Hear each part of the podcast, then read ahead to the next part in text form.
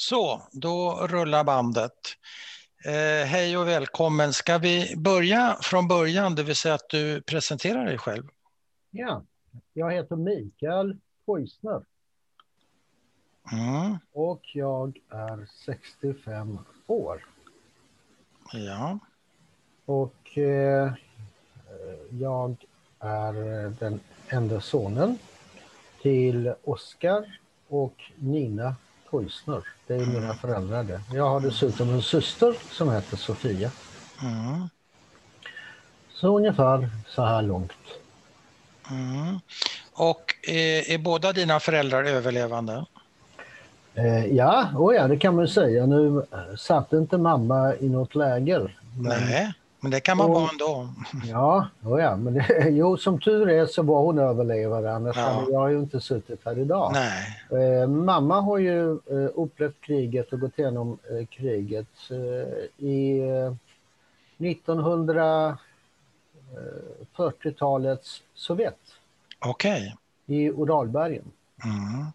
Eh, naturligtvis eh, de, eh, ja, som du förstår och som förmodligen många gör idag, eh, de har vet lite grann mer om hur kriget egentligen påverkade de olika länderna. Eh, här hemma hade vi problem för vi hade inte så mycket kaffe och vi hade ransoneringskort. Eh, ja, och det var ju illa. Men eh, livet i Uralbergen, eh, egentligen redan innan till och med kriget startade, eh, för Sovjets del, det vill säga när de blev anfallna, de blev anfallna 1941. Själva däremot anföll de ju 1939. Ja, bland annat Polen. Ja, och eh, umbäranden var ju många och svåra. Bland annat var det svält. Eh, alla svalt. Mer eller mindre naturligtvis. Alla, och då menar jag vanliga människor. Ja. Dessutom var det så att all industri förflyttades ju bland annat just till Uralbergen. Mhm. Ja, de här stora eh, senare eh, industricentra såsom eh, Magnitogorsk, Tjeljabinsk. Det blev till slut väldigt stora centrum med ett väldigt tung industri. Mm. Dit flyttade man ju då vapenfabriker från centrala Ryssland. Mm. Eh, och Bort, eh, bort från eh, nazisterna helt enkelt. bort från nazisterna. Ja. Eh, och, Vad, vad var, Mikael, vad var mamma, bara så att vi får eh, klart för oss geografin lite grann, var var mamma född någonstans? Mamma var född och eh, levde hela tiden i Uralbergen, södra Ja. Uralbergen. Hon var född där alltså, okej. Hon var född. Så hon flydde inte dit som en del polacker gjorde till exempel? Nej, nej, Mamma kom därifrån. Ja. Och hur stor var hennes familj? Ja, eh, mamma hade eh, tre stycken bröder och en syster. Mm. Eh, den ena brodern eh, blev ju inkallad, han var äldst. Mm. Eh, de två andra var eh, lite yngre än min far. Och det skilde ju då fyra år mellan min mamma och min far och pappa. Ja, ja Oskar. Eh, eh, ja, Oskar. Och de låg någonstans eh, mittemellan. Eh, den, eh, nästan lika gamla som min far i alla fall. Och I alla Ja, fall inte tillräckligt gamla i början av kriget för att kunna bli inkallade. nej. Och hur träffades mamma och pappa då? Eh, mamma och pappa träffades på järnvägsstation och då var det redan när kriget var slut. Och pappa jobbade då en hel del med eh, bland annat transporter. Eh, han jobbade då i Fjärran Östern. Och när eh, han var ombord på det här tåget och eh, de passerade, det var en eh, järnvägsknut där, passerade då just i eh, Kasli som staden hette och heter. Mm. Och pappa hoppade ut på perrongen och där får han syn på en jättevacker flicka. Mamma var väldigt vacker som hon var en vacker kvinna men hon var väldigt vacker som, eh, som en ung tjej. Vilket hon var. Pappa Ja. var väl då Eh, mamma var ungefär 17 år. När de... Ja, ja. Ja, men det är inte så ungt, okej.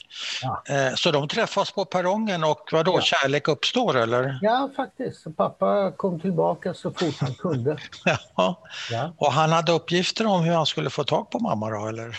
ja, de, på den tiden hade man inte telefoner så att, men nej, eh, nej. han fick eh, adressen skrev Han hade adressen? Ja, Ja. Okej. Och så, så började det. Ja. Fantastiskt. Det är som en film.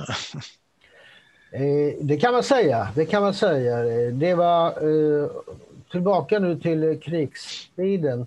Eh, alla arbetade på den tiden och det var Mm. alltså inte fråga om åtta timmars pass. Nej. Man jobbade både 12 och 16 timmar. Jaha. Eh, man svalt. Vad man gjorde var att man använde sig av björkbark som man eh, eh, kokade och gjorde en eh, gröt på.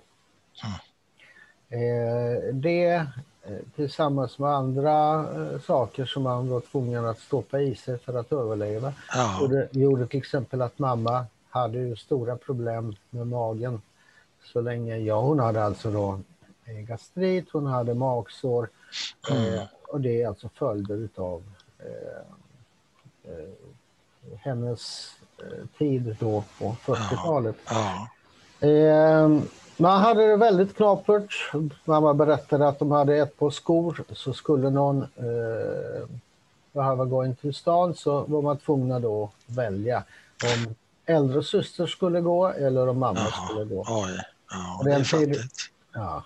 På den tiden så bodde man då, eh, Kansli var ju som sagt, är nu en stad eh, på runt omkring 300 000 invånare. Mm. Eh, men eh, den har ändå växt och då bodde, de hade eget hus, mormor.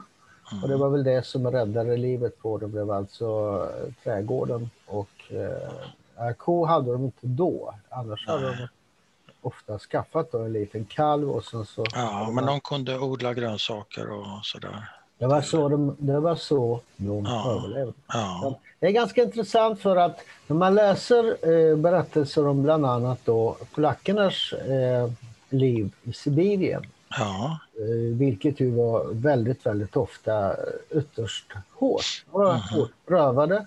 De blev ju dit skickade, eh, människor dog under transporten.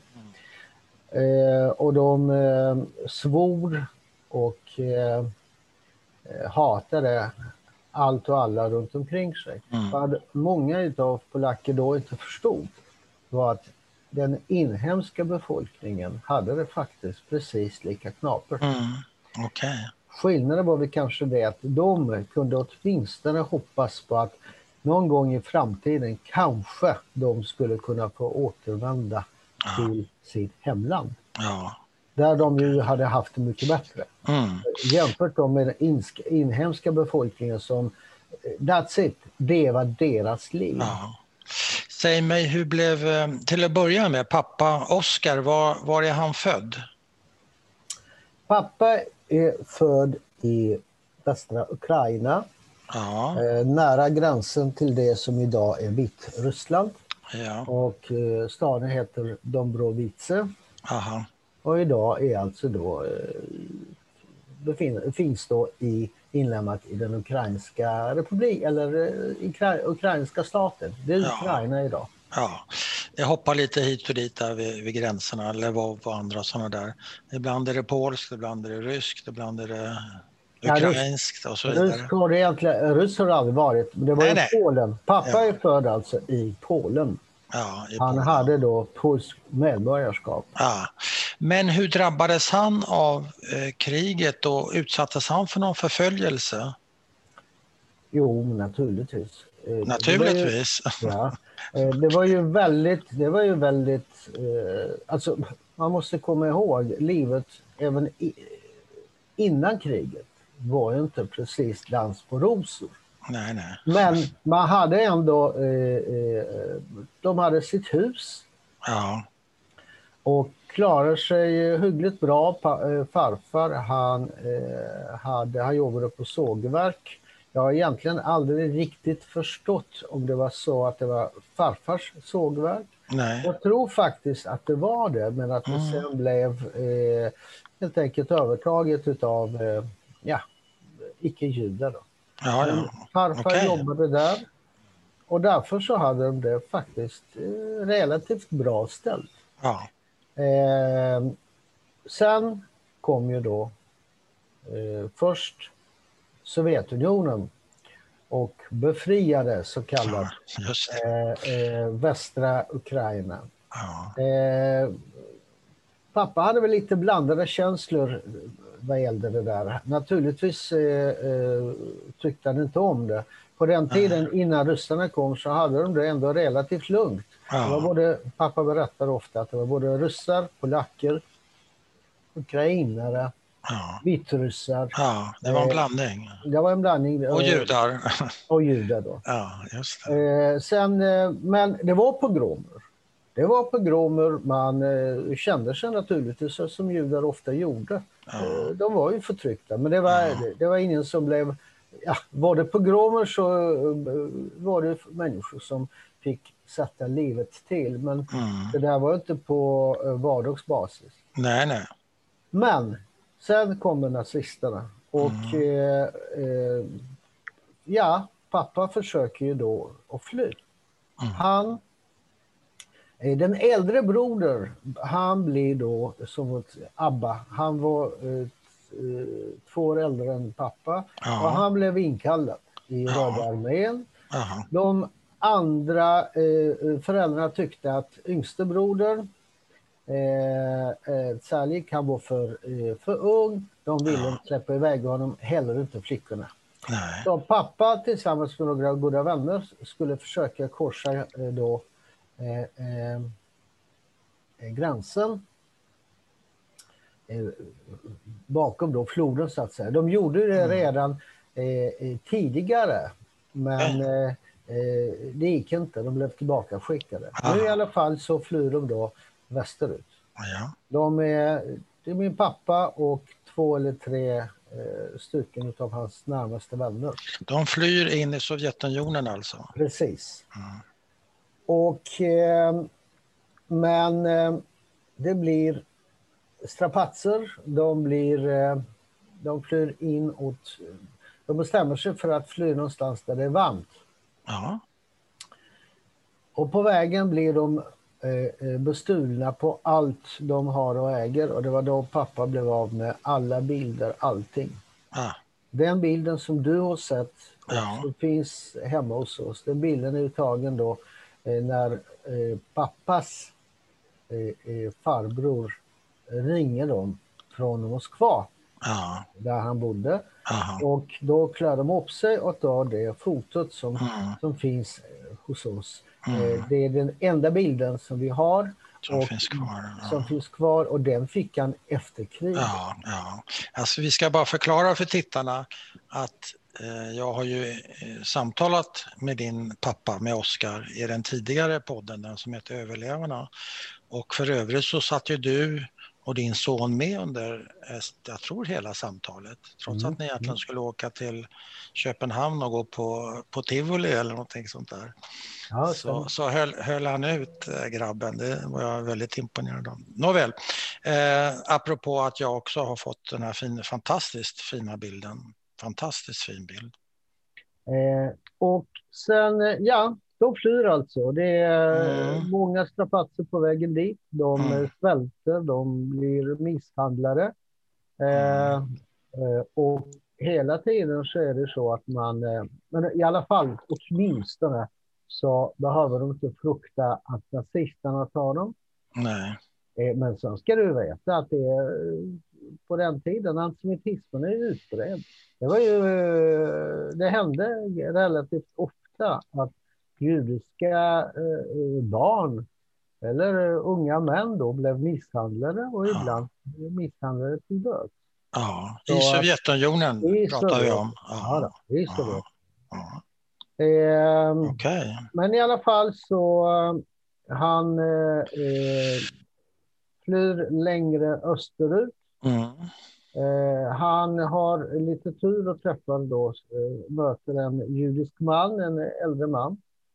Eh, och tyvärr minns inte jag hans namn. Jag tror Nej. den finns i, när pappa berättar så, så säger han Ja, namnet. ja, det är möjligt. Ja. Eh, och det är han som lär upp pappa att göra bokföring. Okej. Och det är det som sen eh, längre fram eh, räddar livet på, på far. Mm. Mm. Eh, I alla fall, nu är kriget slut. Pappa jobbar då i Fjärran Östern Ja. och eh, en, under en av resorna så får han alltså träffa min mamma. Och det är alltså efter kriget. Första Det gången de ses på perrongen, då är det, är det fred. Ja. Ja, just det. Så, Så de eh, träffas efter kriget, mamma och pappa. Han, han får de här adressuppgifterna, återvänder. Blir det de sen efter det andra mötet, eller? Eh, ja, pappa återvänder så fort han kan och Ja. får då lära känna mamma. ja. familj. Eh, eh, de, ja, just längre österut så fanns det inte många judar Nej. och människor där är nog mer liberala. Ja. Mamma ju, var ju då ortodox, och pappa jude. Ja. Och, eh, Men inte ortodox. Eh, inte ortodox Nej. jude, nej, men han, eh, familjen var ju det. Men du vet, Ja. går man igenom kriget så många eh, blev nog av med, med sin Ja. eh, eh, starka tro. Det, Ja. det tror jag. Pappa har aldrig varit religiös Nej. sedan efter det. Familjen var ju det och de var fromma. Men i alla fall, de träffas, gifter sig Ja. och pappa berättar då att han vill ju tillbaka till, eh, till sina hemtrakter. Ja, ja. Och då bestämmer sig mamma då naturligtvis att nej, hon följer med. Mm. Eh, och 1947, början på 47, eller till och med slutet på 46, eh, så är de då i västra Ukraina i en stad som heter Sarni. Mm. Där föds min syster 1947. Mm. Sedan Min syster som heter Sofia. Sofia. Ja. Okej, hon föds 47. Ja. Sen eh, hände det en del saker. Eh, livet i västra eh, Ukraina då är ju absolut inte dans på rosor. Det är svårt, eh, det är hårt. Han försöker återuppbygga landet.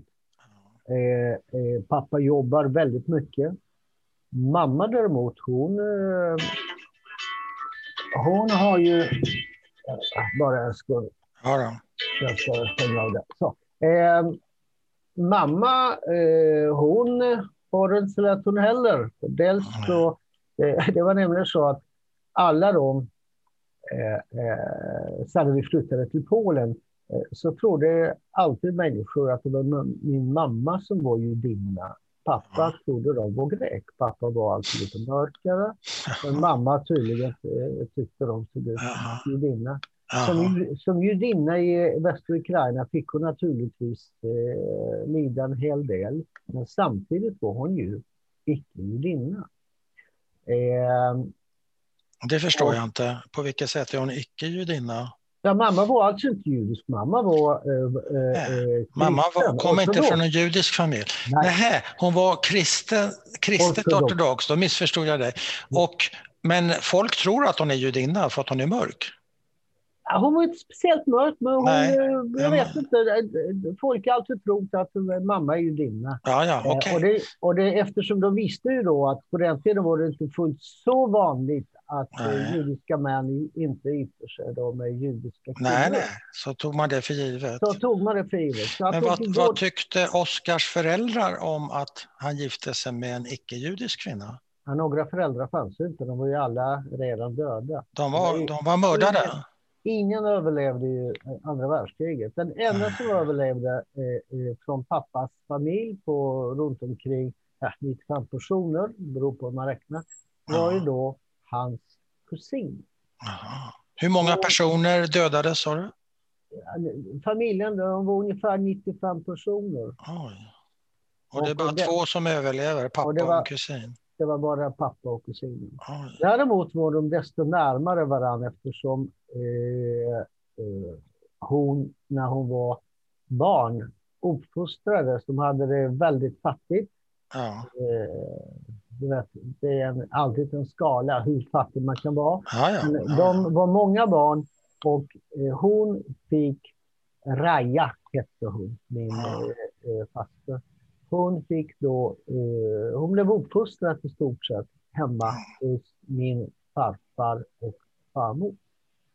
Hon var, därför Men, var de hur väldigt kommer, nära. Hur kommer in, är det kusinen där som överlever, Raja? Ja. ja. Okay. Du, eh, måste bara eh, ställa några frågor här. Det var föräldrarna, de är mördade så de har inga synpunkter. Eh, och flyttar de sen till Polen tyckte jag du sa, eller? Ja, ja men det, det dröjer. Nu, nu är alltså året... Eh, ja, men vi kan snabbspola lite. Vi ska komma ja, till ja. det, förstår ja, ja, ja, ja. vi, vi eh, snabbspolar lite. Ja, 48 blir eh, far... Ja, men det, det är viktiga saker som händer. Okay. 48 okay. när min syster då ett år, ett så år, blir pappa anklagad då för eh, eh, antisovjetisk verksamhet. Oj. Och eh, då eh, fängslad, transporterad till Moskva och sen vidare till Gulag. Mm. Och där är han. Mamma flyttar tillbaka till Uralbergen. Till sina föräldrar? Till sin eh, eh, mor. Ja. Är pappa, är pappan död? Hennes pappa är också död. Mm. och 1953 dör Stalin, eller ja han kanske, man kanske hjälper honom på traven. Det diskuteras olika. Men ja, i alla fall. Men han kom, är död. Han är död. Då kommer den stora amnestin. Ja. Många eh, slipper ut och ja. bland dem bland annat min far. Efter fyra år då? Ja. Mm. Så, så sen flyttar de då till, tillbaka till eh, Ukraina. Mm. 1954 eh, blir min pappa, försöker de mörda far. Det är eh, Vem? Ukrainska, ukrainska så kallade motståndsmän. Varför? Eh, varför? För han är jude. Han är jude? Ja. ja. Eh, det var alltså då OPA, alltså den ukrainska eh, eh befrielsearmé. Ja. Eh, Banderovci som man kallar dem, alltså folk som... Var de, var de nationalister och höger med andra ord? De var nationalister och höger och hatar ju eh, kommunister. Pappa ja. har aldrig varit kommunist. Har aldrig nej, nej, men, men judar men, är ju illa nog. Var, judar för dem var ju ungefär samma sak. de ansåg att allting kom ju därifrån. Och hur försökte de, hur gick de tillväga när de skulle, ja, han, när de skulle döda ja, pappa? En gång så uh, försökte de ta sig in i ett litet hus. Vi bodde där första halva året mm. uh, uh, när vi flyttade. Nu bodde vi alltså i Eh, Rivne, Rovna. Det mm. ligger en, inte långt ifrån Sarni, där min syster föddes. Mm. De försöker bryta sig in. Eh, de, föräldrarna har tur. Det är en militärbil som kör förbi. Stannar där, får motorstopp precis utanför vårt hus. Och då, men de andra tror ju, banditerna tror att eh, de kom dit ja. för deras skull. Och, ja. Ja. Eh, jo, pappa blev skjuten. Pappa blev skjuten. Han sitter då eh, i, i ett möte då någon skjuter honom från en häck. Eh, pappa överlever som sagt. Men eh, ja, och 55 föds jag. Mm. Eh, pappa försöker nu, eh, han var väldigt eh, betrodd. Eh, far var eh, ovanligt begåvad, speciellt när det gällde då till exempel eh, matematik, just bokföring. Eh, han var den, en, den yngsta och den enda. Eh, det fanns ju alltså då stora så här kooperativ. Ja, ja. Eh, och då, ett sånt här kooperativ hade då allt. Allt från mm. då livsmedelsförsörjning mm. Mm. som ansvar, transport och så vidare. Pappa mm. var, och hela då länet var uppdelat i några sådana kooperativ. Mhm. Eh, jag tror det var 16-18 stycken. Pappa Mm. var den yngste chefen. Mhm. Han var den enda som var jude och han var dessutom inte partimedlem. Eh, så att allting talade emot honom förutom en sak. Det var det kooperativet som fungerade allra bäst. Jaha. De hade absolut de bästa resultaten. Ja. Vilket då gjorde att vi å andra sidan, för 1954 startade då den här repatriationen. Repatriation betyder då egentligen att polska eh, medborgare som ju fanns i Sovjetunionen, Ja. ganska många av dem, de Ja. flesta polacker, som Jaha. då kom dit på olika sätt. Eh, eh, många blev eh, tvångstransporterade. Aha. Eh, I alla fall, nu vill de ju väldigt gärna komma tillbaka till Polen. Och pappa har ju behållit sitt polska Men var han född i Polen, pappa? Nu måste du påminna mig lite. Jo, pappa var född i Polen. Var, var var han född? Han var född just i Dobrovice som numera Ah. är i Ukraina. Ja, de så bor- var det. Okej. de bor ungefär samma område. Ja, ja. Men det är på olika sidor gränsen, jag fattar. Men eh, eh, ja, nu är det Sovjetunionen Ja, och, ja. nu vill, och nu vill de ju alla återvända till Polen. Ja, ja. Okej. Eh, pappa ansöker 55 direkt efter det att jag föds. Mm. Men får ju hela tiden då eh, nej. Och en av Mhm. anledningarna var att eh, han var ju så duktig på sitt eh, arbete. Man ville Ja. inte förlora en så Nej, viktig eh, eh, medarbetare och okej. Ja. Men 59 har vi lite tur. Eh, det är någon som vill ha vår bostad. En, en officer. Ja. Som då, eh, och så får han reda på att eh, eh, ja, där bor ju vi, men att pappa vill gärna eh, eh, lämna Sovjet. Ja. Ja. Och då hjälper han till med ansökningen. Okej. Vi får i oktober 1959 får vi då får vi ett tillstånd och där sägs det då att vi har eh, sex veckor på oss Ja. att flytta. Okej. Det var en chock för mamma. Eh, mamma som aldrig hade varit ut, utanför Sovjetunionen. Nej. Eh, bara det att hon var i Ukraina, bara det var ju redan Ja. stort. Eh, sen glömde jag också nämna, under tiden innan jag föds så konverterar ju mamma. Okej. För att hon vill att eh, barnen då inte behöver gå igenom det hon gick. Eh, Mm. Det var hårt. Dels bli då eh, förföljas för att hon är judinna och det faktiskt eh, ta emot mycket, inte stryk inte, men mycket tryck från just judiska delen av befolkningen för att då inte vara judinna. Ja, ja. Så Så det, det, uttry- det uttryckte grannar Oh, ja. och kompisar. De hade åsikter om det.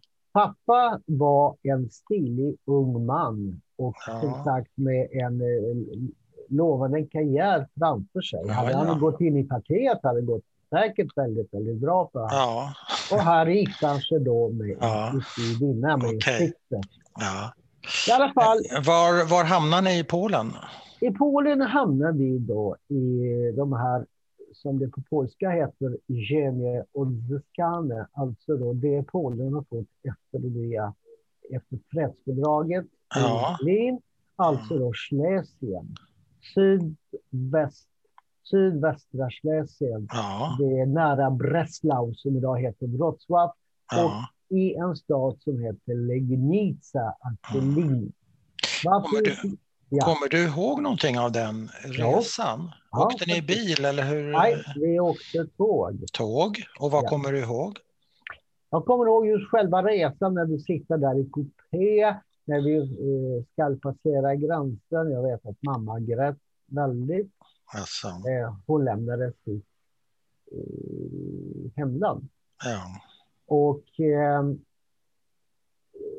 sen minns jag vår första bostad i Legnica. Ja.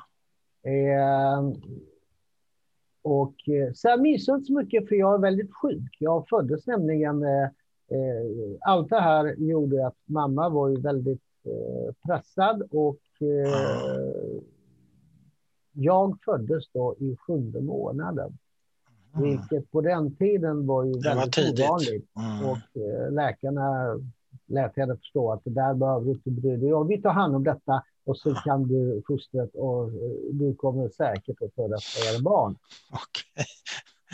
Ja. Mamma, eh, eh, så att jag har min mamma att tacka för mitt liv eh, dubbelt. Både att hon födde mig och att jag, att jag överlevde. Men, eh, Men den här, res, den här resan, Mikael, kommer du ihåg, vad var din, eh, vad ska vi kalla det för, sinnesstämning? Var du glad, var du orolig? Vet du, kommer du ihåg någonting, någon känsla Jo, du hade? jag var, jag var väldigt rädd vid gränsen eftersom jag såg att föräldrarna var väldigt, väldigt oroliga.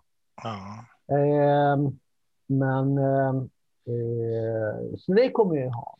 Mm. Sen eh, måste jag säga att det var ju eh, ja, Polen. Det var liksom då gällde det att börja komma in i ett nytt samhälle. Ja.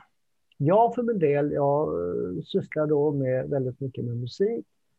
Eh, jag börjar lära mig, eh, jag lär mig läsa själv då jag ja, fem och ett halvt. Oj, tidigt. Vad, läste Ja. du för något? vad läste du för något? Eh, Alltså, jag läste då på ryska. Vad jag Men vad? läste. vad? Eh, sagor och sen började Ja. jag var ganska tidig så att jag läste Ja. Krig och fred när jag var 9-10 år. Så att, Oj, Krig och fred av Tolstoj? ja, så att jag var ganska, jag var ganska tidigt ute. Eh, så att ryska är det första språket. Jag lär Men vem lär dig att läsa? Ja, mamma. Mamma, pappa. Mm. Och du sa Mamma musik, vad började du med för musik? Jag spelade fiol. Hur gammal är du då? då? Jag är sex år när jag började spela fiol. Ja. Så att Har jag du- lär mig noter innan jag lär mig sen att läsa på polska. För att polska är Ah. det Det är ditt eh, tredje språk efter noter och Ja. ryska. kan man säga. Fast Ja. eh, eh, om inte fjärde, för jag började då eh, i en judisk skola. Aha. Legnitsa var alltså då, där fanns en hel del judar. Ja. Eh, eh, jag kan ju tillägga att just Legni- varför just Legnitsa? Förmodligen, pappa egentligen, de har aldrig berättat det, men förmodligen för att i Legnitsa fanns det då dåtidens eh, eh, största samling av eh, ryssar och rysktalande. Eh, och där fanns också då Warszawa eh, generalstab. Ja, ja. I en stad på 120 000 invånare fanns det förutom det cirka 48 000 Mycket ryssar. som tillhörde då garnisonen. Ja, men det fanns också judar då med andra ord om det var en judisk Ja, skola. ja, ja. Eh, Var det jiddisch som gällde där i den Ja, skolan? men, eh, nej, vi talade ju alla polska. Eh, Jaha. fast egentligen pratade de de flesta ryska eftersom alla kom ju då samtidigt. Ja, Men ganska, ganska snabbt så började de gå över till att tala polska. ja. Eh, vilket jag ju också gjorde, men vi Ja. till skillnad från många har ju alltid behållit eh, ryska som Ja. det språket jag hade hemma. Och hur blev det i, i skolan för dig? Ja, nej, men det var inga problem. Just den skolan var ju fantastisk. Ja. Eh, Men du var ju nyinflyttad och kände ingen och Nej, men det var alla där i den klassen. alla var nyinflyttade. Alla var nyinflyttade. Vi var 14 personer i klassen när jag började. Ja, Eh, sen, och detta var då 1962. ja, Eh, eh, tre år senare, eh, 64, 65, är det väldigt många som eh, utvandrar nu till eh, både Israel och USA och även en del Australien. Alltså då kommer det en ny våg och många utvandrar. ja. Och Och då- mamma och pappa, funderar de på samma sak? Eh, ja, fast det var ju det att mamma, mamma hade fortfarande kvar sin familj Ja. i, i eh, Uralbergen. Mm. att eh, resa vidare, det var liksom inte... Eh, nej. Och pappa eh, uppskattar alltid att mamma gjorde det här, eh, att hon offrade. Ja, ja, ja, det är klart. Mycket. Hur, hur har du några tidiga minnen från eh, dina föräldrar, hur du upplevde dem och hur, hur, ni hade det och så vidare? Ja, pappa jobbade. Han jobbade, Pappa dygn- jobba? han, Ja, han jobbade dygnet runt. ja, ja. Han, han, han började med ett... Eh, eh, han jobbade då i, i ett, eh, det är kooperativt, alltså ett hantverkarkooperativ. Mm. Eh, och hade då en idé en eh, uppfinning som man eh, kan man säga arbetade med under många år. Pappa Jaha. tog fram en maskin. Först så började han med att måla på eh, textil. Ja. Det krävdes då bara fotoutrustning och så vidare. Så vidare. Han gjorde själv sina mönster. Han, eh, han byggde hela maskinen och gjorde allt för hand. Wow. Några år senare så, så fortsatte han och utvecklade den och samtidigt så började han med något ännu mer komplicerat, nämligen att tillverka eh, eh, att nämligen eh, kemiskt behandla textil för att få det eh, våt, eh, eller eh, vattenavvisande. Men eh, Mikael, det du berättar nu, är det sånt som du vet för att du följde med till hans jobb och kollade eller var det sånt som man... Du har, du har varit med på plats alltså? Alla de, pappa hade först en eh, eh, liten verkstad Ja. i samma gata där vi bodde. Ja, Eh, och där eh, så hjälpte jag till, det var jag alltså då sex, sju år gammal. Jag hjälpte Ja. till med att dra ihop all möjlig, ja allting i stort sett. Gamla stolar, ja, ja. pinnar, allting som eventuellt pappa kunde få användning av. okej. Eh, Så du, du har sett det där på plats. Men och, när det gäller mamma då, har du några minnen Ja. av henne?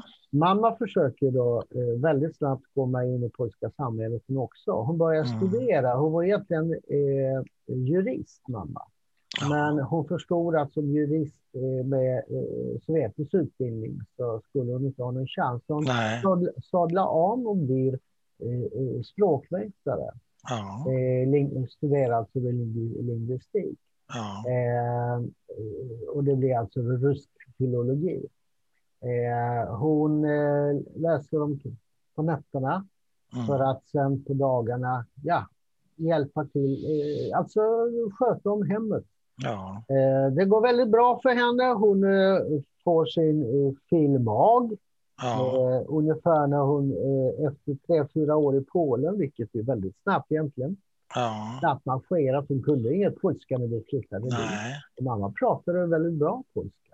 Mm. Men eh, hon lärde sig snabbt. Ja. Så det var, det var hårt.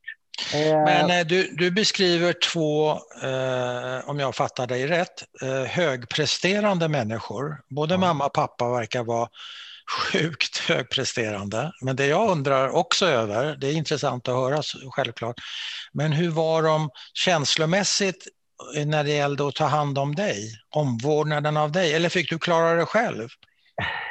vet du vad, det är ganska intressant. Eh, jag var ju alltid eh, ögonstenen i, i, eh, hos både mor och far. Syster Ja. var äldre, Sofia fick klara sig själv. Ja, Hon eh, lärde sig polska i stort sett bara för några månader. Eh, eh, jag var ju sjuklig. Eh, så det är därför jag kanske inte minns så mycket just från perioden 60-61. Nej. Eh, så att jag var alltid, ja, vad ska jag säga? Ögonsten låter det som, om jag ska Ja. lägga ett ord i, i din Ja, mun. det var det jag sa ja. Och det, så, så var det också. Jag kan säga att jag älskar mina barn av hela mitt hjärta. De är mitt allt. Men Ja. jag kan alltså aldrig älska dem eh, ja, lika... Jag tror nog att Jo, det, det, tror, det tror jag att du kan. Men- hur, hur, men många mina- barn, hur många barn har du? Jag har två stycken. Ja, två barn. En, Så du, du heter, tycker att... Ja, förlåt. en som heter Nina, som min Mm. mamma gjorde. Mm, Och den andra som heter Samuel Oskar. mm. Efter farfar. Men eh, känner du att du står i skuggan av dina föräldrar när det gäller den här, eh, vad ska vi kalla det för, kärleken som, är, som inte ställer några krav? Är det det, du, är det det du målar upp från dina, var det liksom en kravlös kärlek? Eh, från mammas sida definitivt. Mm. Definitivt. Eh, Mm. Från pappas sida, egentligen också även om pappa då, eh, där kände jag naturligtvis eh, att, inte att jag nu är det så att jag alltid kunde leva upp till eh, både mamma och pappas förväntningar. Oj då. Som jag sa till dig, jag, jag lärde mig... Du kanske också var högpresterande? Jag var nog ganska högpresterande, det tror jag. okay. Jag gick ju samtidigt i både musikskola Ja. och då i vanlig skola. Men är det någonting du, när du var i den här åldern, vi kan vänta med tonåren och det är alltid speciella situationer kanske runt tonåren, eventuella uppror och sådana, det kan vi spara. Men fram tills dess var det ingenting du kände, jag önskar att jag hade en pappa som eh, Oleg här i huset bredvid har eller som, eh, förstår du vad jag menar? Du hade Ja. aldrig de där fantasierna att jag skulle vilja ha andra föräldrar eller? Jag kan säga att eh, jag, du har ju träffat min far och Ja, träffat mig. Du vet vilken relation vi har haft. Vi har haft Ja. en exceptionellt nära relation. Mm. Men då kan jag säga att Och men det såg jag. när det gällde mamma så var Ja, det ännu mer. okej. Jag hade mardrömmar om just att mamma skulle ändå försvinna. Mina föräldrar var mitt allt och det var därför jag aldrig kände mig speciellt. Jag var i ett nytt land förvisso Ja. och observerat till skillnad från många andra som Ja. kom tillsammans med oss. Eh, Jag blev så att säga aldrig förpolskad. Jag talade polska, Ja. absolut. Men alla runt omkring mig visste alltid att jag var eh, ryss eller jude. Och det, att vara ryss och jude i, eh, i Polen ja, det var ingen 60-talet, vidare. det var ungefär som att vara jude och svart eh, i 60-talets USA. USA. samma- vet Men- lite grann hur det var. Ja, Men jag kände, kände aldrig av det. Nej, Däremot, däremot kan jag säga, jag förstår vad du menar. Något jag kände av var naturligtvis eh, både pappa och mamma. Det var många saker som de, eh, pappa pratade ju då eh, jiddisch när kompisarna kom och jag förstod Ja. ju väldigt mycket av det. Jag gick Ja. i skola. ja. Men naturligtvis pratade de snabbt så förstod inte jag lika mycket. Nej, Eh, De led, de hade det fruktansvärt. Pappa hade perioder då han hade fruktansvärda huvudvärk. ja. Eh, mamma, eh, mamma eh, led av depression. Eh, hon saknade sitt land oerhört mycket. Ja. Var det så, blev de eh, sjuka av den här depressionen och blev de... Ja, alltså mamma hade ju dålig hjärta Ja, och eh, eh, det var ju det. Och det var också Ja. därför jag var hela tiden orolig. ja. Men var de självmordsbenägna någon av Nej, dem? nej, nej, Det blev inte så nej, tungt? nej, nej. Nej. Eh, pappa var en alldeles för stark personlighet. Ja, nej. jo, Där- jag minns, jag minns honom som en fura. Ja, ja absolut. Nej, men, att- Men man vet han- aldrig vad som gömmer sig bakom barken. nej, men däremot så var det ju det att, som du säger, att eh, det var perioder då han, eh, alltså han gick som eh, åskmoln. Man kunde Ja. inte närma sig honom. Man Nej. kunde inte, Och vad berodde det på? Fick du klart för dig vad, vad, vad det där handlade om? minnen, Det var hans minnen. minnen, förlusten. Ja, förlusten som han också pratar om Ja. i, i sin egen berättelse. Och sen... eh, Jag, jag måste fråga dig, ja. för det kanske det, den, det, den delen i hans berättelse som ju kommer alldeles på slutet. För han säger att hela min familj, hela min släkt är försvunna. Och det, stå, det, det bromsar en människa, säger han. Jag kommer inte ihåg hur gammal han var, men han var väl 90 kanske, låt oss säga, Oskar. Det bromsar en människa, man kan inte planera framåt, man kan, och sådär. Och det är ju det är ett rätt så eh, hoppingivande kan man säga att en så gammal människa vill planera framåt, men han kunde inte det. Och så sa, han, och så sa jag, ja men du har ju, din, du har ju din, din, ditt barn och dina barnbarn. Ja men det kan inte ersätta förlusten, sa han. Och jag tyckte det var grymt sagt inför er så att säga. Hur, hur upp, du kanske har hört det tidigare, men jag blev lite nej, chockad. nej, nej, nej. Jag, eh, det enda var att jag... Du vet, när Du, du, minns den här situationen va? Ja då. Men jag, eh, jag kan säga så här. Att när man så innerligen älskar sina föräldrar, Ja. det, det gjorde jag, de var mitt allt, Ja, så eh, känner du av allting. Så att när han Ja. liksom stängde in sig, när han hade de här perioderna, ah, eh, eh, dels så skrämde det mig ju väldigt. Dels så, dels så eh, ja, jag... Eh, eh, alltså man känner av det. Man känner det är klart. Det. Hur länge varade en sån här instängningsperiod? Kan vi kalla den för det? Två, tre dagar. Ja. Och den skrämde dig? Ja. Vad, vad, vad är det som skrämmer dig egentligen? Ja, du vet, han var... Han gick inte att prata med. Han, eh, tyvärr uppstod det även bråk hemma på grund av det. Mam, mamma eh, och anklagade honom för att han hade då tagit henne till sitt hemland. Ja, just Ja, dels det. det Så det var, en, det var en konflikt som var levande mellan dem? Ja, mm.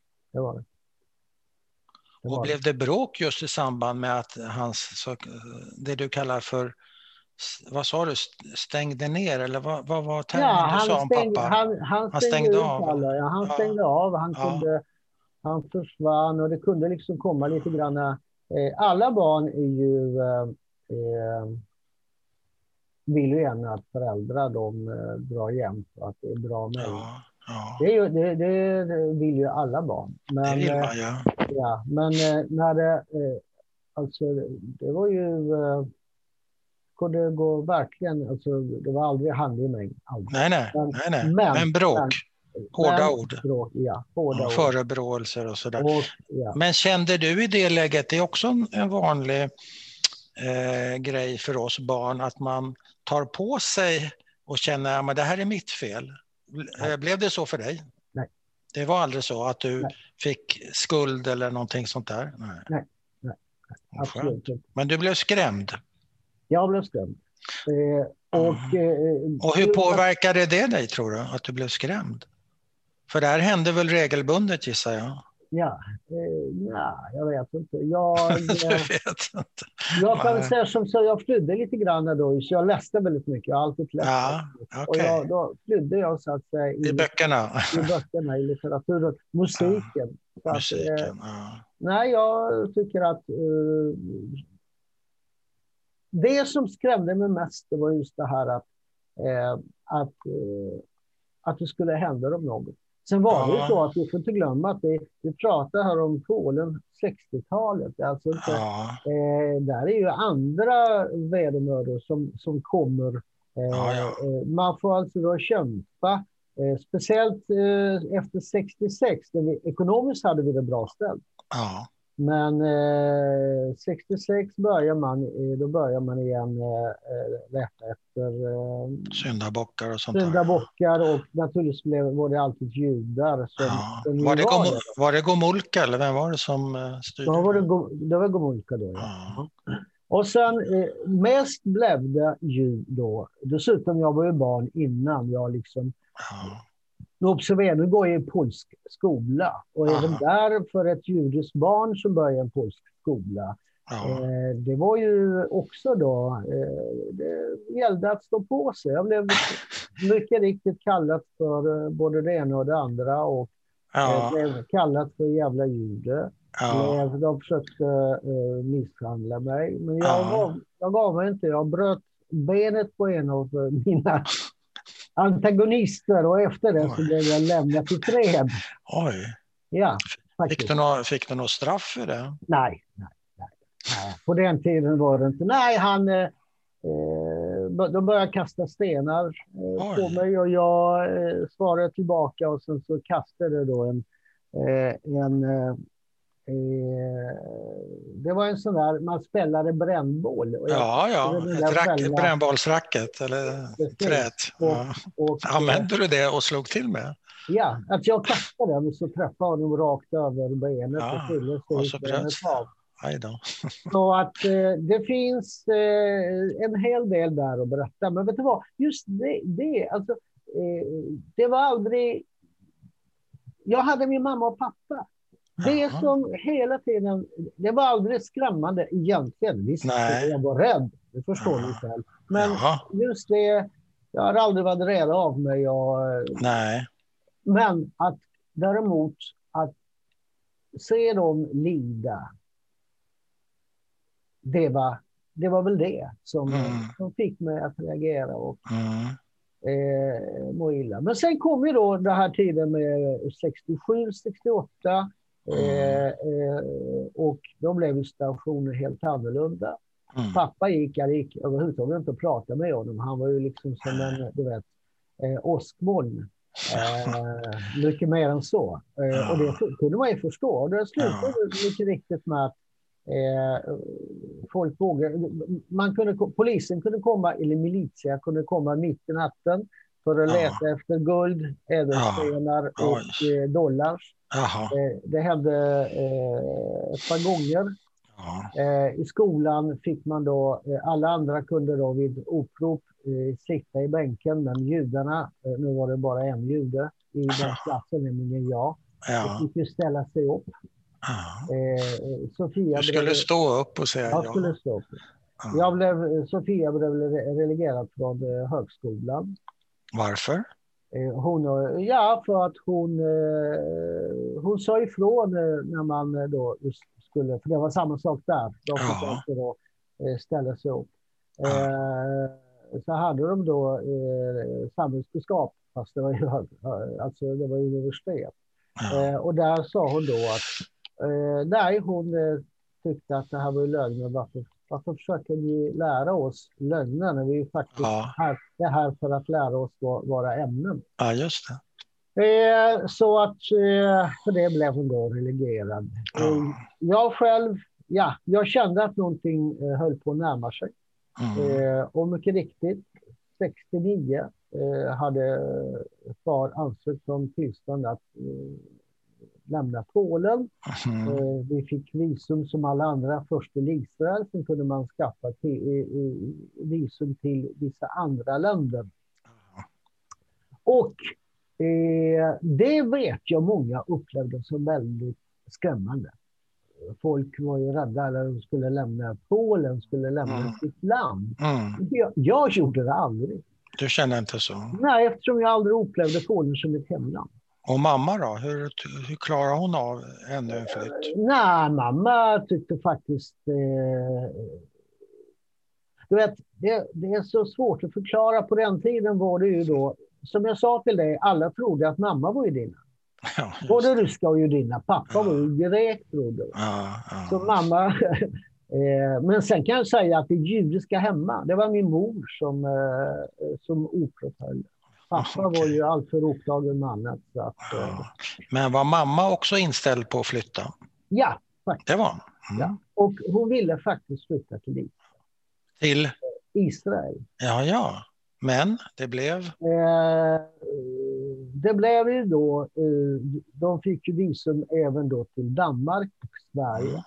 Och deras eh, bästa vänner flyttade till Sverige och skrev väldigt varma brev som Ja. beskrev vilket fantastiskt land eh, Sverige var. Aha. Och eh, då bestämde sig då mina föräldrar att eh, de var rädda att åker vi till Israel, ja då måste jag ju, då var jag, jag alltså 14 år. Mm. Och de visste att eh, lite till så sk- skulle jag ju då In i armén? Ja. in i armén. Och det Ja, var det visst. de var rädda för. Pappa Ja. däremot ansåg att mamma hade redan då eh, genomlidit ett hjärtinfarkt Ja. eh, som tog ganska hårt. Och jag, eh, under den tiden mamma var på sjukhus, det var eh, fyra veckor, Ja. Slut, så stängde jag in mig. Jag gick inte ut, jag gick inte till skola. Jag var... Så att, då förstår du. Mm. Du, stängde, du stängde också ner, Jag stängde också ner. kan man säga. Var du orolig med andra ord? Ja. Ja. Ja. Så att, eh, att, att eh, därför att lämna Polen, nej, det var liksom... Nej. Jag tyckte det var faktiskt ganska spännande. Ja. Så 69 kommer ni vart? Till eh, Ystad i Ystad? Skåne. Ja. Och, sen, och så får vi åka till eh, eh, Glomslöv och till Örenäs slott. Det Mm. var ett fantastiskt sätt att bli mottagen i vårt Ja. nya hemland. Ja. Hamna då på ett slott. Ja. Eh, ja. Och eh, den tiden minns jag väldigt positivt i början. Ja. Eh, jag kommer ihåg, jag, började, jag bestämde väldigt tidigt. Det första jag gjorde eh, på färjan till eh, Sverige så frågade jag någon matros. Jag kunde ingen engelska, jag kunde ingen Nej. spanska. Men Nej. jag frågade matros. Jag kunde säga det här med What is your name? Något sånt där. Jaha. Och jag frågade och försökte liksom då få reda på vad mitt namn var på spanska. Och då sa han Mikael. Och sedan dess har jag alltså varit Mikael. Ja. Och jag, jag till och med har det uppskrivet i passet.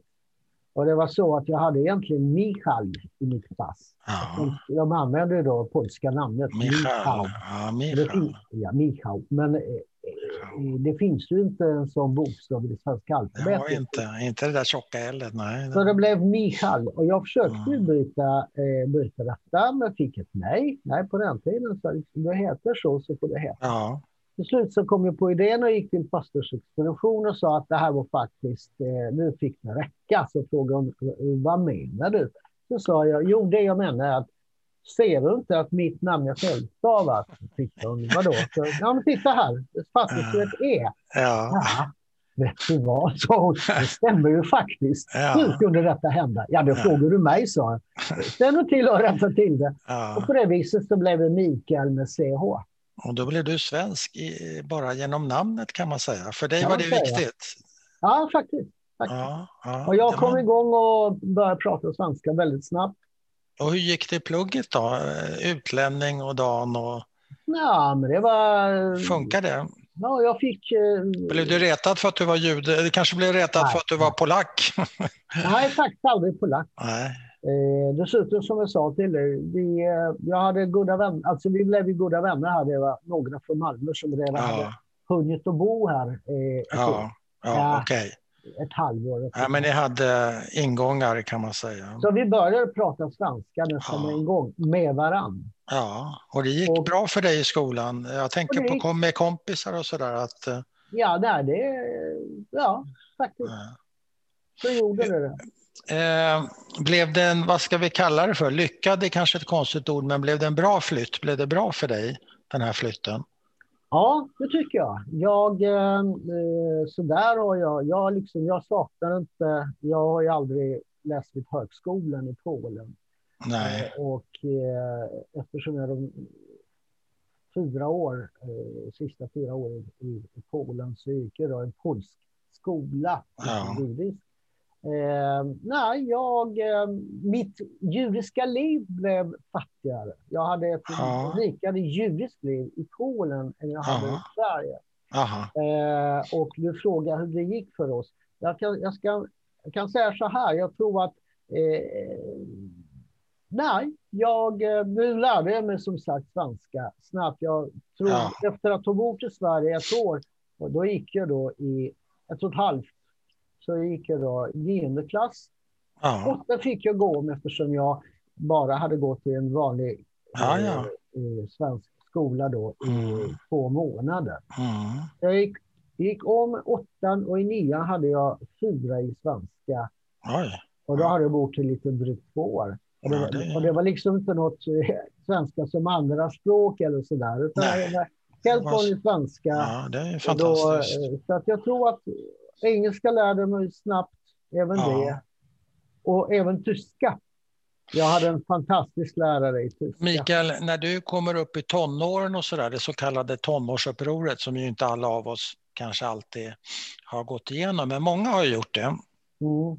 Och jag uppfattar dig som en eh, dels en väldigt omhuldad eh, son med mycket kärlek från båda föräldrarna, men också en väldigt snäll son tillbaka mot föräldrarna, som jag uppfattar det. Och inte minst den här rörande historien när din eh, mamma ligger på sjukhus fyra veckor efter en hjärtinfarkt och du stänger in dig. Det är ju väldigt starkt. Visar eh, verkligen hur starka känslor du har. Men gjorde du eller kände du behov någon gång av att göra uppror mot Nej. dina föräldrar? Nej. Nej. Du kom aldrig till det? Nej. Jag, Hoppa över det. Judiska barn är rätt så dåliga på det tror jag. Alltså, jag vet ja. inte. Men, det är nog sagt, olika. Men du, för dig var det inte, du hade inte det behovet? Vet du vad? Jag hade kanske inte tid med det. Alltså, du hade inte tid? Nej. Du vet, ja, alltså, Varför inte då? Ja, men jag är då 15 år i stort sett. Ja. Jag ska då lära mig svenska, Ja, ja. engelska, Okej. Ja, ja. Jag ska... Eh, Okej, du är upptagen med att förkovra dig, jag förstår. Men precis. när du är 16, när du är 17, när du är 18, när du är 19, när du är 20. Det finns ju gott om tid att göra Mm. uppror om man har behov av det. Men du kanske inte hade det? Nej, jag hade faktiskt inte det. Utan, eh, återigen, det var mycket litteratur. Ja, som. Ja, Eh, Ja. Och eh, du vet, det tar tid att lära sig ett språk. För mig är det väldigt Ja. viktigt att kunna uttrycka mig väl. ja det är viktigt. Och, ehm, Göra sig eh, förstådd. Ja, fast det kunde jag ganska snabbt. Nej, Har du- ville, Har du fortfarande sådana här perioder när du stänger ner apropå pappa och apropå vad som hände när, när mamma blev sjuk? Är det ett mönster som har gått i arv om du förstår vad jag menar? eh, nej, jag får men- vara lite personlig. Absolut, och det var det jag tänkte som berätta. Sen, eh, en av anledningarna varför jag inte hade tid. Mamma i Sverige eh, började, började väldigt bra. Hon, eh, återigen, hon finner sig väldigt snabbt till rätta. Mm. Började arbeta på eh, Slaviska institutionen i Lund. Ja, ja, Eh, väldigt omtyckt. ja. Eh, men sen började hända lite saker. Eh, hon, eh, återigen så är det då just det här att hon upplever mycket mer negativt från sina egna. Mm. hon var ju då från Sovjetunionen återigen. Eh, och mamma har eh, aldrig varit kommunist, aldrig varit i partiet. Och aldrig, eh, men hon har alltid varit väldigt stolt över sitt land, Mm. språk. Och eh, det blev en del schismer och eh, mamma slutade på Slaviska institutionen och började jobba på Tandläkarhögskolan i Malmö. Där hon Aha. har jobbat ända fram till sin död, där hon har trivts väldigt mycket och varit väldigt eh, uppskattad. Mm. Eh, eh, och under tiden så plötsligt så hände det saker. Mamma blev helt förändrad. Min älskade mor som jag alltid, som jag sa, hon var både mitt fosterland, religion och allt. Så blev, så blev hon sjuk. Ja. Eh, hon får eh, personlighetsförändringar. Oj. Tror nog att min syster, om hon någon gång kommer att höra det, kommer kanske att reagera att jag säger det för öppet. ja, Men men det- hon blev psykiskt sjuk alltså? Hon Mamma. blev psykiskt sjuk. Ja, Och detta däremot har präglat mig i flera år. ja, För det påverkade min far. Oskar, och jag kan försäkra er, så som han var som en klippa, alltid, så var han inte det då. Nej, nej. Hur, hur blev hon förändrad, personlighetsförändrad? Ja, hon hade vanföreställningar, hon trodde Mm. att eh, far var henne otrogen, hon kunde, och så vidare. Och så vidare. Ja. Var hon Eh. intagen? Blev hon intagen? nej, nej, Nej, nej, nej. Fick hon ingen behandling? Fick hon ingen hjälp? Nej, inte på den tiden. Det, var liksom... eh, eh, Sen eh, när jag sen blev vuxen och längre fram i mitt liv så Ja. har jag ju läst om det väldigt mycket. Och det är Ja, ja. att kvinnor, just när de kommer in i klimakterium så händer det ganska ofta. Ja. Just, just exakt samma symptom. Och så. Eh, det går så långt. Eh, jag lyckas faktiskt. För det första, jag, jag hoppar av studier bara för att vara med mor och för att Mm. få henne liksom på bättre tankar. Ja, Eh, eh, ja, och, eh, eh, och mycket riktigt, hon börjar ta eh, äntligen eh, eh, hormoner. mm. Och tar bara två, tre veckor hon håller på att bli sitt vanliga jag igen. Mm. Och vilket ju var ju för mig, det var som en uppenbarelse. Det var liksom, går inte att förklara hur lycklig jag kände mig. Och sen 1979, jag åker då på ett eh, så här lite eh, kort eh, vistelse, eh, ett läger eh, organiserat av den här judisk, polsk-judiska organisationen. Ja, ja. Co- Coordination Committee, många känner till den Mm. eh, här i, i Sverige. Jag åker dit, kommer tillbaka, mamma sover, eh, jag eh, pussar henne och det är sista gången jag ser henne i livet. För nästa morgon så hittar jag henne död. Ja. Och där kommer ju då samma, då är hon 52. Oj, Och eh, där kommer ju samma mönster och frågade mig hur och så. ja. Eh, jag stänger ner, jag stänger fullständigt ner. ja. Eh, och eh, jag ligger där med min vovve. Vi hade då en hund, en fantastisk vovve. Han Ja. ylar. Ja. Jag inombords, han lite mer högljudd. Ja. ja. Och så... Ni eh, ylar under- båda två. Hur gammal är du nu? När här det var alltså då, eh, när det hände så är jag 24 år. Ja. Så Och, ni ligger där och ylar, du tyst Ja. och hunden lite högre. ja. Ja. Och eh, det hade ju format mig under en, eh, under en längre period. Jag började sen igen, jag återupptog studierna och så vidare. Ja, ja, ja, ja. Men eh, detta har alltså präglat mig under en lång tid. ja. Hur tror du? Hur har det påverkat dig? Går det att säga?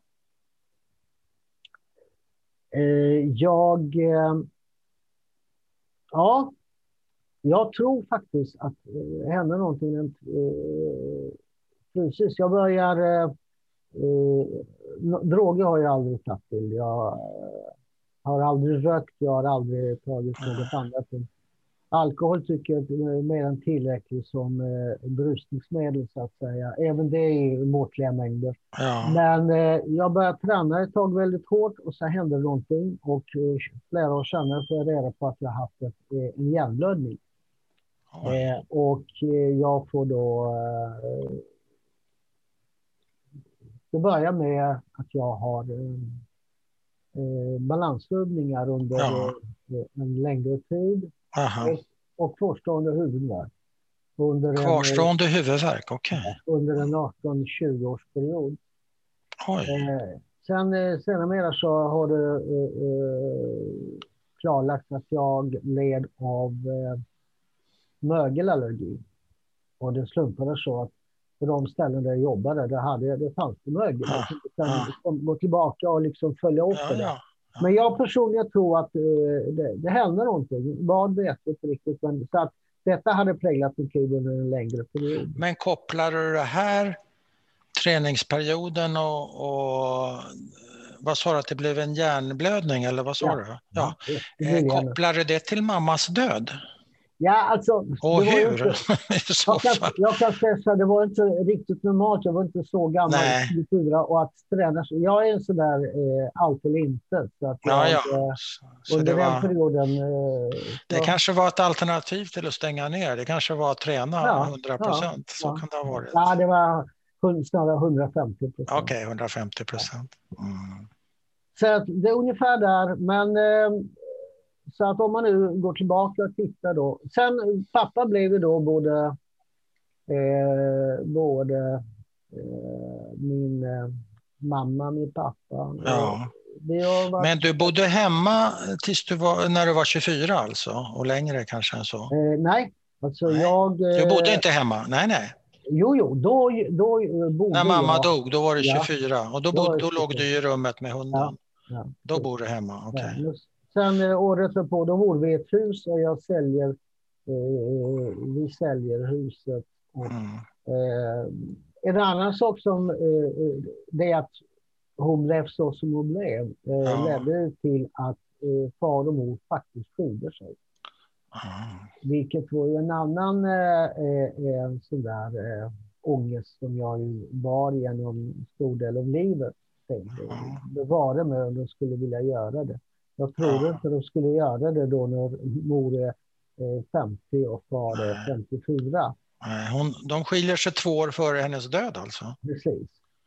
Fast de ändå har liksom kontakt med varandra så. Men, eh, och sen när mamma börjar bli bra så börjar så liksom, jag har ju förhoppning om att de naturligtvis Ja, ja. eh, Mm, eh, går såklart. tillbaka till varann. Och, och sen dör hon mitt i allt det här. Mm.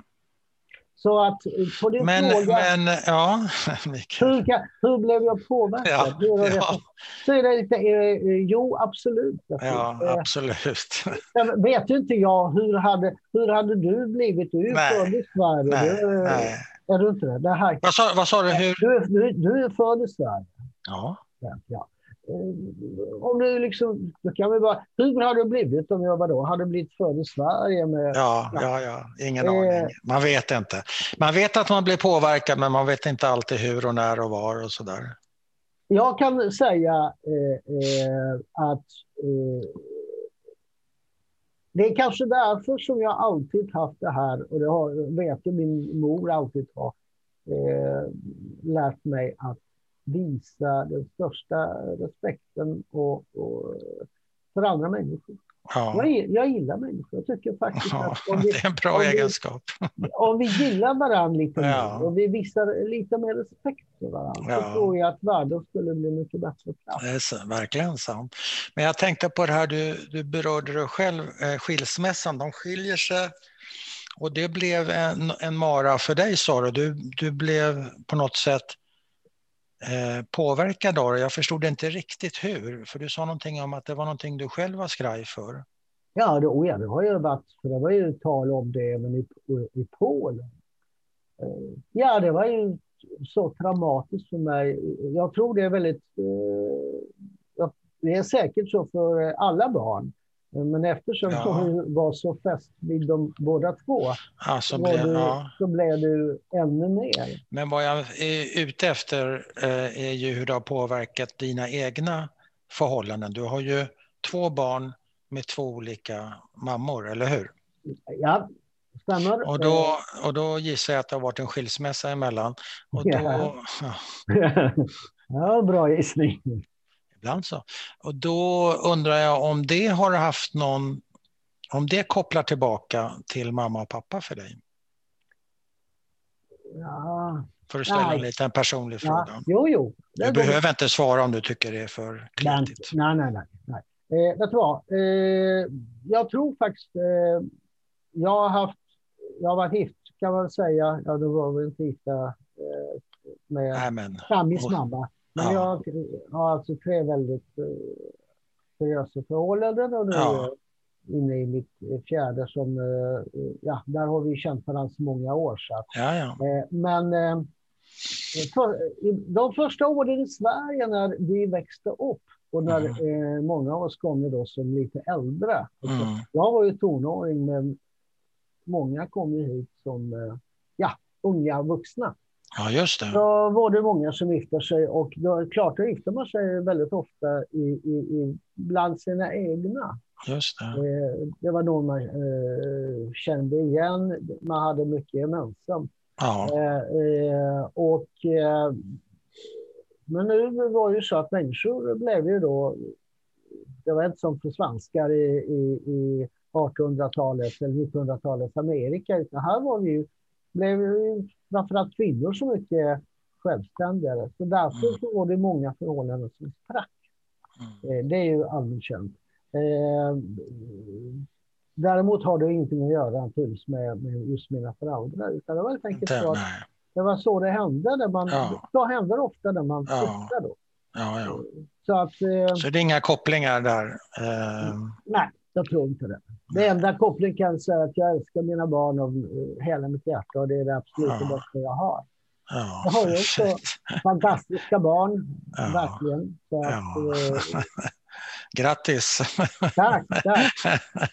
Jag kan säga att jag, jag råkar alltså ha mina bästa vänner som mina barn och det, då, då, då kan man skatta så lycklig. Det är fint. Du, vi ska börja runda av. Är det någonting som du vill eh, lägga till innan vi slutar? Jag kan säga så här, jag, vet du vad?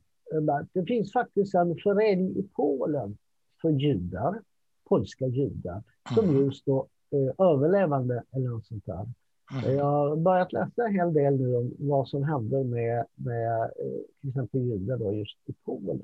När det är så många nu som plötsligt eh, kommer på att de faktiskt har judiska rötter eller rent utav är judar. Mm. Till hälften eller då, till mm. hundra procent. Mm. Eh, och det, är därför har jag börjat liksom fundera lite grann på det här. Eh, och jag kan säga så här, ja, vi naturligtvis har ju burit mycket av den trauma som våra föräldrar har råkat. Det har vi definitivt gjort.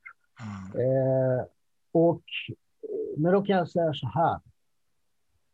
Vi har haft det så mycket lättare än vad de har haft. Så att jag ja. Eh, kan väl passa på kanske att säga så här, att av hela mitt hjärta vill jag hedra alla dessa mina, mina vänners, mina bekantas föräldrar som har gett sitt liv De har gått igenom en oerhört svår tid i, i, i, i Europas historia och behållit mänskligheten, behållit sina, eh, eh sin, sin stolthet som, eh, som människor. Mm. Eh, vi judar har ju haft, eh, vi, ja, vi är ju tränare sedan, sedan ganska många år tillbaka. Eh, och eh, eh, vi är rätt så bra på det där. Eh, vi mm. har förmåga att eh, anpassa oss. Dessutom så eh, jämfört med många andra minoriteter som bara vill på något sätt så att här, sjunka in och låta oss vara. Mm. vi ofta vill bli en del av samhället. Mm. Verkligen. Men det kan man ju bli genom att sjunka in i samhället. Det finns olika assimileras och så vidare. Det, är lite, det finns olika strategier. Jo, jo men vi, vi assimileras egentligen, vi, både och. Både och. Ja, både och, exakt. Och, Särart och assimilation, så kan man säga. Ja. Och därför kan, kan jag väl bara säga att eh, jag, eh, jag har haft förmån av att bli älskad av två fantastiska människor som mm. som sagt råkade vara mina föräldrar. Jag har förmån att ha två, eh, nu nästa generation, jag har förmånen mm. också att bli älskad av två fantastiska människor. Mm. Så att du förstår att du har en lycklig man framför dig. Mm. Vad fint. jag ska bara lägga till en sak, jag tycker det var en fin avslutning. Det var. Eh, dels är jag väldigt glad för det här samtalet eftersom jag hade förmånen att få intervjua din pappa tillsammans med dig. Du var tyst för all del, men du satt ju bredvid och i högsta grad kändes du väldigt närvarande. Och nu får jag chansen att fortsätta det här samtalet med Oskar fast, fast det är med dig och framåt. Va? Jag tycker det har varit Eh, osedvanligt starkt. Eh, eftersom jag blev så väldigt förtjust i Oscar så var det lätt att fortsätta att vara förtjust. Och om man pratar om mänsklighet så kan man, skulle jag kunna kvittera med att säga att jag tycker du är en människa i all enkelhet. Eh, och det ska vi alla försöka sträva efter givetvis. Jag vill tacka dig så mycket Mikael. Det har, varit ett, det har varit ett nöje i, i att få prata med dig. Jag har väldigt starka minnen av eh, eh, de samtal vi har haft, eller framförallt du och pappa. Ja. Jag ska veta att pappa kände sig... Han har väldigt sällan egentligen pratat om allt det där. Nej. Eh, han hade aldrig gjort det när han var 40-50. Nej. nu gjorde han det. Ja. Och jag tror att eh, där hade han eh, turen att han eh, fick prata med dig. Det är inte alla som, eh, som har den förmåga att kunna, inte lirka, utan att bara låta en eh, öppna sig. Så att, eh, jag vet pappa var väldigt glad för det där och jag är väldigt glad för det också. tack. Du generar mig, men det gör ingenting. tack ska du ha.